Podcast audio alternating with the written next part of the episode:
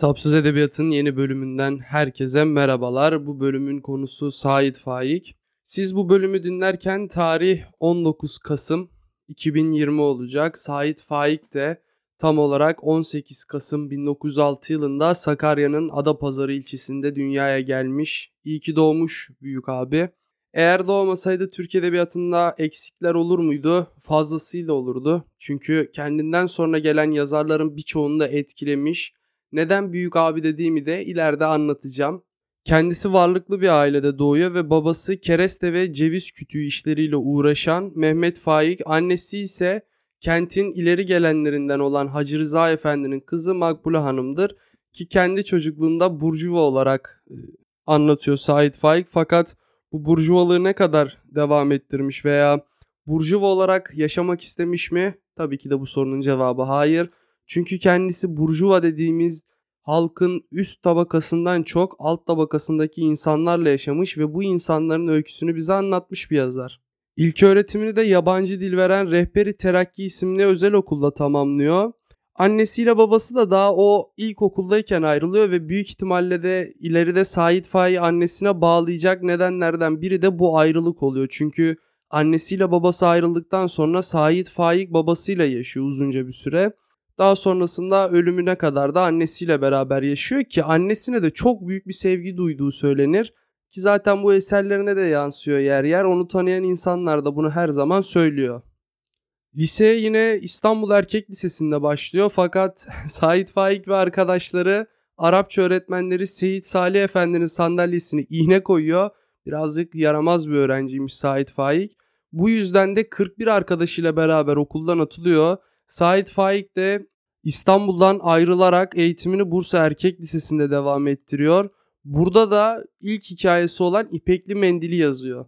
Lise arkadaşları onu okuldayken sessiz, sakin, sınıfta dalgın, bahçede ise yalnız olarak tanımlıyor. Aslında bu tanımlama Said Faik'in bütün hayatına yakışacak bir tanımlama. Çünkü Said Faik hayatı boyunca sessiz, sakin, Kederli de olabilir yani görmedim ama hikayelerinde bazı yerlerinde o kederi hissedebiliyorsunuz ve yalnız olması kaçınılmaz olan yazarlardan biri. Çünkü farklı insanların böyle yalnızlıkları gayet normal. Tabi bu bazen dahi olan, çok zeki olan insanlar için söyleniyor. Çünkü etrafının onu anlamadığı anlaşılıyor. Yani düşünülüyor daha doğrusu. Fakat Said Faik çok zeki midir orasını bilemem. Ama çok farklı bir insan olduğu kesin. Zaman geçiyor. Said Faik de büyüyor tabii. Lise bitiyor fakat pek parlak bir öğrenci olduğu söylenmiyormuş. Çünkü Said Faik dediğim gibi farklı bir insan. Bu çünküsüne de geleceğiz. Lise bittikten sonra hayatını ve eserlerini üzerine kurduğu İstanbul'a geri dönüyor ki kendisi tam bir İstanbul aşığı. Günümüz İstanbul'unu görse ne derdi bilmiyorum ama dönemin İstanbul'una tam anlamıyla aşık bir insan. Sokaklarına da sinmiştir bence Said Faik. Fakat sokaklarına sinmesi yazar olarak mı pek düşünmüyorum. Elbette ki çok mükemmel yazar benim için. Çok iyi bir yazar. Fakat Said Faik İstanbul'un sokaklarını büyük ihtimalle insan olan Said Faik'lisinde. İstanbul'da da üniversiteye kaydoluyor. İstanbul Üniversitesi Edebiyat Fakültesine kaydoluyor. Fakat burada da tutunamıyor, sıkılıyor. 2 yıl eğitim alıyor. Daha sonrasında ben Uygurca öğrenmek istemiyorum diyerek burayı da bırakıyor. Bu öğrenci olduğu sıralar yani 2 yıllık İstanbul Üniversitesi macerası sırasında sık sık Beyoğlu'na gidiyor. Evinin ve okulun yakınındaki Şehzadebaşı kahvelerine gidiyor ki kendisi kahveleri de çok seven bir yazar. Sanat ve edebiyat çevreleriyle de tanışması o zamanlarda oluyor ki 9 Eylül 1930 yılı ile 23 Eylül 1930 tarihleri arasında da 10 öyküsü ve bir yazısı da Hür gazetede yayımlanıyor. Yani genç bir yazar için bu olay bilmiyorum ama insanı çok mutlu eder. Ben pek yazı yazmayı sevmem ama yazsam ve bunlar bir yerde yayınlansa ve okunan bir yerlerde yayınlansa çok mutlu olurdum büyük ihtimalle. Kimi mutlu etmez ki bu olay zaten. 1931 yılında babası diyor ki hadi gel diyor seni İsviçre'nin Lozan kentine göndereyim orada iktisat eğitimi al. Tabii ki de Said Faik babasını dinliyor ve gidiyor fakat orada çok çabuk sıkılıyor. 15 gün gibi bir sürede sıkılıyor. Oradan da Fransa'ya geçiyor. Ki düşünüyorum şu an beni Lozan'a gönderseler sıkılır mıyım? Büyük ihtimalle sıkılmam ama işte Said Faik bu. Kalıplara uymayan bir yazar. Fransa'ya gidince de orada da 3 yıllık bir eğitim hayatı oluyor. Daha sonrasında 1934 yılında babası gel oğlum diyor sen İstanbul'a olmayacaksın. Çünkü orada serserilik e, yaptığını düşünüyor. Sait Faik aslında serseri de serseriden kastımız ne o çok önemli. Artık serseri dendiğinde başıboş insanlar geliyor aklımıza da Sait Faik öyle olduğunu düşünmüyorum ben. Yani başıboşluk o hovardalık Sait Faik'e yakışacak bir şey değil gibi geliyor. Neyse Sait Faik İstanbul'a dönüyor. O İstanbul'a döndüğünde de öğretmenlik yapmayı deniyor. Fakat öğrenciler üstünde bir otorite kuramıyor. Okul yönetimi de bundan çok rahatsız oluyor. Sait Faik de başaramadığını anlıyor büyük ihtimalle. Buradaki öğretmenlik hayatına son veriyor. Babası da Sait Faik boş kalmasın diye ona bir dükkan açıyor. Böyle nohuttur, fasulyedir şeyler satan bir dükkan açıyor. Gel gelelim ki Sait Faik burada dolandırılıyor ve dükkan batıyor. 6 ay sonra da babasına dükkanı boş olarak teslim ediyor. Aslında ona yakışacak işler değil ne öğretmenlik ne de dükkanda bir şeyler satmak. Çünkü o bırakın yerle gök arasına denizlere sığamıyor. Yani dünyaya sığamayan bir insan nasıl bir dükkanın içine veya bir sınıfın içine sığar gerçekten merak konusu. 1936 yılında babasının maddi desteğiyle Semaver kitabı yayınlanıyor ki bu kitapta onun ilk kitabıdır. İçinde hikayeler var. Ben daha okumadım ama okuyanlardan da iyi dönüş aldım. Birazcık da araştırdım nasıl bir kitap diye. İlk kitabı yayınlanınca çok mutlu oluyor. Ayakları yerden kesiliyor. Kim mutlu olmaz aslında yani. Ben yazı yazdığımı düşünüyorum şu an. Hayal ediyorum yani ve yazdıklarım yayınlanıyor. İnsanlar bunu okuyor veya siz kendinizi benim yerime veya Said Faik'in yerine koyup düşünün.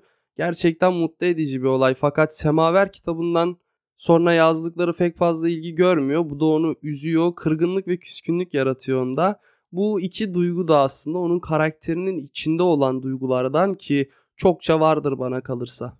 Ve 1938 yılı geliyor. Sait Faik'in hayatını, eserlerini, her şeyini değiştirecek olan Burgaz Adası'na taşınıyor babasıyla beraber. Burada babası hayatını kaybediyor fakat bu ölüm onu Burgaz Adası'ndan uzaklaştırmak yerine daha çok yakınlaştırıyor ve daha çok Burgaz Adası'na bağlıyor. Burgaz Adası'na da gitmek isterim. Orada Sait Faik Müzesi olduğunu biliyorum. Park olduğunu biliyorum. Oralarda gezinmek bilmiyorum ama mutlu eder insanı. Çünkü ben ona farklı bir şekilde bakıyorum. Onu da anlatacağım birazdan. Hayatını bir konuşalım da. Neyse zaman yine öyle ya da böyle geçiyor. 1940 yılında Şahmerdan kitabındaki çelme hikayesinden dolayı da hakkında dava açılıyor. Halkı askerlikten soğutmakla suçlanıyor Sait Faik. Bunu yapmış mıdır? Hiç zannetmiyorum. Bu davadan beraat ediyor ve yakın arkadaşı Orhan Veli ona bir mektubunda şöyle yazıyor. Bu arada çelme hikayesini buldum ve okudum ve başına bu işi açanlara küfrettim. Harika hikaye Azim diye de ona destek olmayı unutmuyor. Davadan sonra da yazmaktan vazgeçmiyor. Kendi ifadesiyle yazmasaydım deli olacaktım diyor. Yazmayı çok seven ve yazarak hayatını kazanmak değil de yazarak insanlara anlatmak görevini üstlenmiş yazarlardan biridir o. 1953 yılında dünya edebiyatına yaptığı katkılardan dolayı Mark Twain Enstitüsü ona ödül veriyor, fahri üyelik veriyor bu ödülü ilk alan Türkse Gazi Mustafa Kemal Atatürk'tür. İkincisi de Sait Faik oluyor. O onu çok gururlandırdı mı bilmiyorum. Yaşar Kemal'le yapılan bir röportajı var. Yaşar Kemal'in onunla yaptığı bir röportajı var. Onu da okursanız ne kadar mutlu veya mutsuz olduğunu veya ne tepki verdiğini de anlayabilirsiniz. Sait Faik siroz hastası. Bunun tedavisi için de Fransa'ya gidiyor da Fransa'da ancak 5 gün kalabiliyor. Sıkılıyor İstanbul'a dönüyor. İstanbul'a çabuk dönmesinin nedenlerinden biri de İstanbul'dan uzakta ölmekten korktuğu olarak söylenir. Bana kalırsa makul bir sebep çünkü o dediğim gibi İstanbul'a kalben bağlı, yürekten bağlı, Burgaz Adası'nı seviyor ve böyle bir insanın sevdiği yerden uzakta ölmesi büyük ihtimalle onu ölümden daha çok korkutmuştur.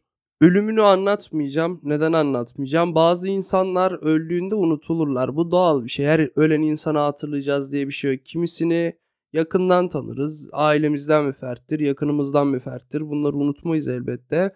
Uzakta olan insanlar büyük işler başarmışsa genel olarak unutulmaz ama Sait Faik edebiyat adına büyük işler başarmıştır. Ama o da unutulmayacak. Yazarlığının yanında unutulmamasının nedenlerinden biri insan olarak da unutulmayacak. Peki bu insanlığı nereden öğreniyoruz? Şimdi size bir öneri yapacağım. Benden hikayesi isimli bir film var. Belgesel de denilebilir. Sait Faik üzerine çekilmiş. Sait Faik'i yakından tanıyanlarla konuşulmuş.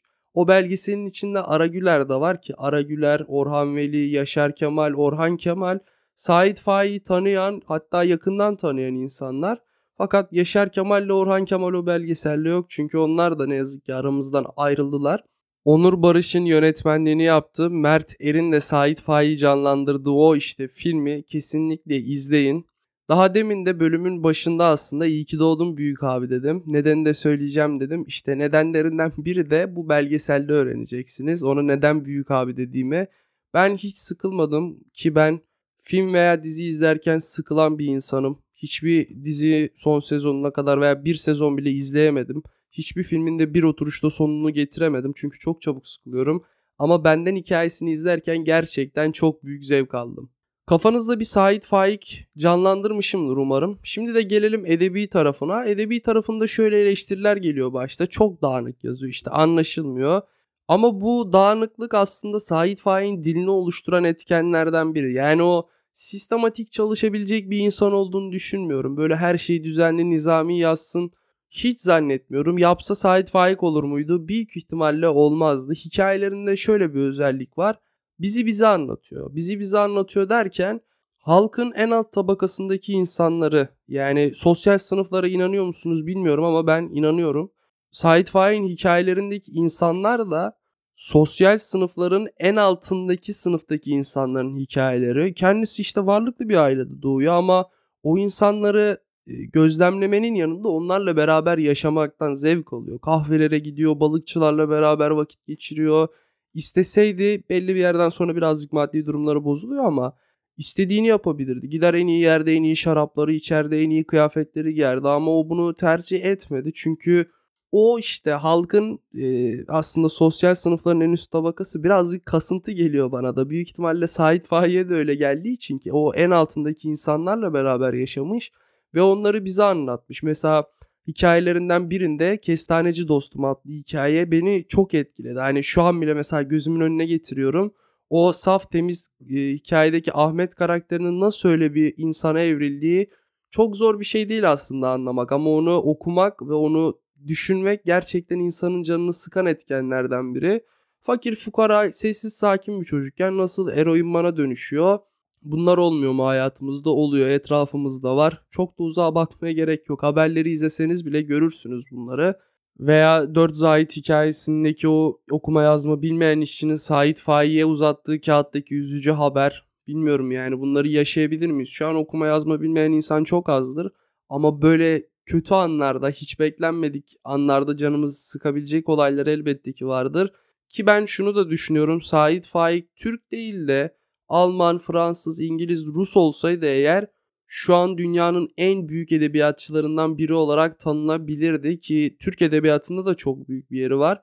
İsmen evet herkes biliyor. Sait Faik dediğinde herkes tanıyor. Aslında bu tanımasının nedenlerinden biri de bundan kaç sene önceydi. Bayağı oldu herhalde. O küçük kızın Sait Faik'in Abasıyanık kitabı demesi çok dalga geçildi. Bence dalga geçilecek bir şey değil ki. Zamanında ben de dalga geçildim geçtim. Sait Faik'le tanıştıktan sonra bu fikrim tamamen değişti. Çünkü o yaşlardaki bir insanın Sait Faik'i tanıması, tanımasının yanında alıp okuması edebiyata atılabilecek en sağlam adımlardan biri olduğunu düşünüyorum. Ben Sait Faik'le birazcık geç tanıştım ki okuma hevesim de birazcık geç başladı bende. Kendim bildim bileli kitaplarla aram vardı da böyle hani alıp okuyayım vesaire şeklinde yoktu. Bulursam okuyordum, bulmazsam da eksikliğini yaşamıyordum. Neyse kitap okumaya başladım. Burada da birazcık size Sait Faik'le nasıl tanıştığımı ve neden bu kadar sevdiğimi anlatayım. Kitap okumaya başladım. O sıralarda da üniversiteyi kazandım. Yani üniversiteyi kazanılmıyor artık herhalde. Gidiliyor gibi geliyor bana da üniversiteye gitmeye başladım. İlk birinci sınıftayım. Bana anlatılan üniversite hayatıyla benim gördüğüm üniversite hayatı arasında dağlar kadar fark vardı. Çok canım sıkıldı. Zaten öyle de biraz sıkılgan bir insanımdır. Gittim canım sıkılıyor. Hiç arkadaş edinemiyorum öyle çok cana yakın da bir insan değilim. Birazcık ketum bir insan olabilirim bunu kabul edeyim artık. Neyse öyle hep sessiz sakinim. Kütüphanede çok fazla vakit geçiriyorum. O sırada da çok müzik dinliyorum ki normalde de müzik dinlerim. Bir müzisyenin işte o yazmasaydım çıldırmıştım kısmı geldi. Araştırmaya başladım. O müzisyenin sonra röportajlarını da okudum. Sait Faik'le arası iyi yani. Onu o müziği yapmaya teşvik eden etkenlerden biri de Sait Faik olduğunu öğrendim. Ki ben de Sait Faik'in Abası Yanık kitabı şeklinde Sait Faik'i tanıyordum. Kitaplarını aldım ki kitapları da gerçekten ucuz kitaplar. Diğer kitaplara göre yani başka yazarların kitaplarına göre ucuz kitaplar. Okumaya başladım ve bir anda kafam böyle nasıl diyeyim size aydınlanıverdi. Farklı bir aleme geçiverdim. O gün bugündür Sait Faik'le aram hep iyi. Kitaplarını hep okurum. Artık anlamışsınızdır benim unutkan olduğumu. Hikayelerini okurum mesela unuturum. Sonra bir daha okurum. Hiç okumamış gibi olurum. Hani bazı insanlar der ya işte hafızamı kaybetsem de bu filmi tekrar izlesem. Ben işte o hafızayı kaybediyorum ve Sait Faik'i okuduğumda ilk defa okumuş gibi zevk alıyorum. Bu benim için çok büyük bir şans. Eğer siz hiç okumadıysanız kesinlikle okuyun. Bahsetmek istediğim hususlardan biri de şu aslında bu bölümde. İşte biz Türk Edebiyatı'nın veya dünya edebiyatının içinde bulunmuş, iyi eserler vermiş insanları tanıyoruz, tanımıyoruz değil. Bu konuda bilgiliyiz ama sadece isim olarak bilgiliyiz. Nazım Hikmet mesela. Nazım Hikmet dediğinde herkes çok büyük yazar, çok büyük şair. İşte Can Yücel aynısı, Atilla İlhan öyle yazar. Fakat kaçımız e, o insanları okuduk? Veya İsmet Özel. Aynı şekilde İsmet Özel de benim için çok büyük bir şairdir. Fakat kaçımız İsmet Özel'i okuduk? Çok azımızdır bana kalırsa. Burada bir tahmin yapıyorum ama bu tamamen bana kalmış bir tahmin. Sadece isimde kalmasın o yazarlar, şairler, büyük insanlar. Gidin eserlerini alıp okuyun. Tabii kitaplar birazcık pahalı ne yalan söyleyeyim bazen de zor bulunabiliyor. Ama yaşadığınız şehirde sahaf varsa bir dadanın derim sahaflara. Çünkü çok ucuza çok iyi kitaplar bulabiliyorsunuz.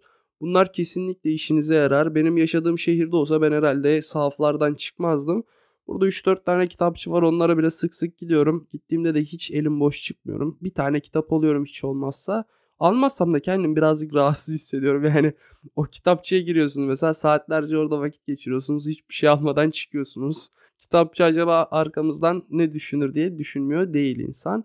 Sait Faik'i peki hiç okumadıysanız nereden okumaya başlayacaksınız? Ben size söyleyeyim. Son Kuşlar kitabından okumaya başlayın. Niye Son Kuşlar kitabı? İlk hikayesinin adı da Son Kuşlar kitabı. Kitaba adını veren hikaye yani Son Kuşlar. Onun en sonunda bir yer var. Dünya değişiyor dostlarım diye. Ben hayatım boyunca hiç o kadar beni etkileyen bir yazı daha okumadım. Özellikle o kadar kısa olup da beni etkileyen bir şey okumadım. Siz okuyun büyük ihtimalle sizde de aynı etkiyi yapabilir. Ama okuduktan sonra kapatmayın kitabı. Birazcık dünyanın nasıl değiştiğini görün. Lafı da fazla uzatmayayım. Bazen çok konuşasım geliyor bugün olduğu gibi ama çok konuşmayalım. Tadında bırakayım en azından. Hafta yine konuşurum merak etmeyin.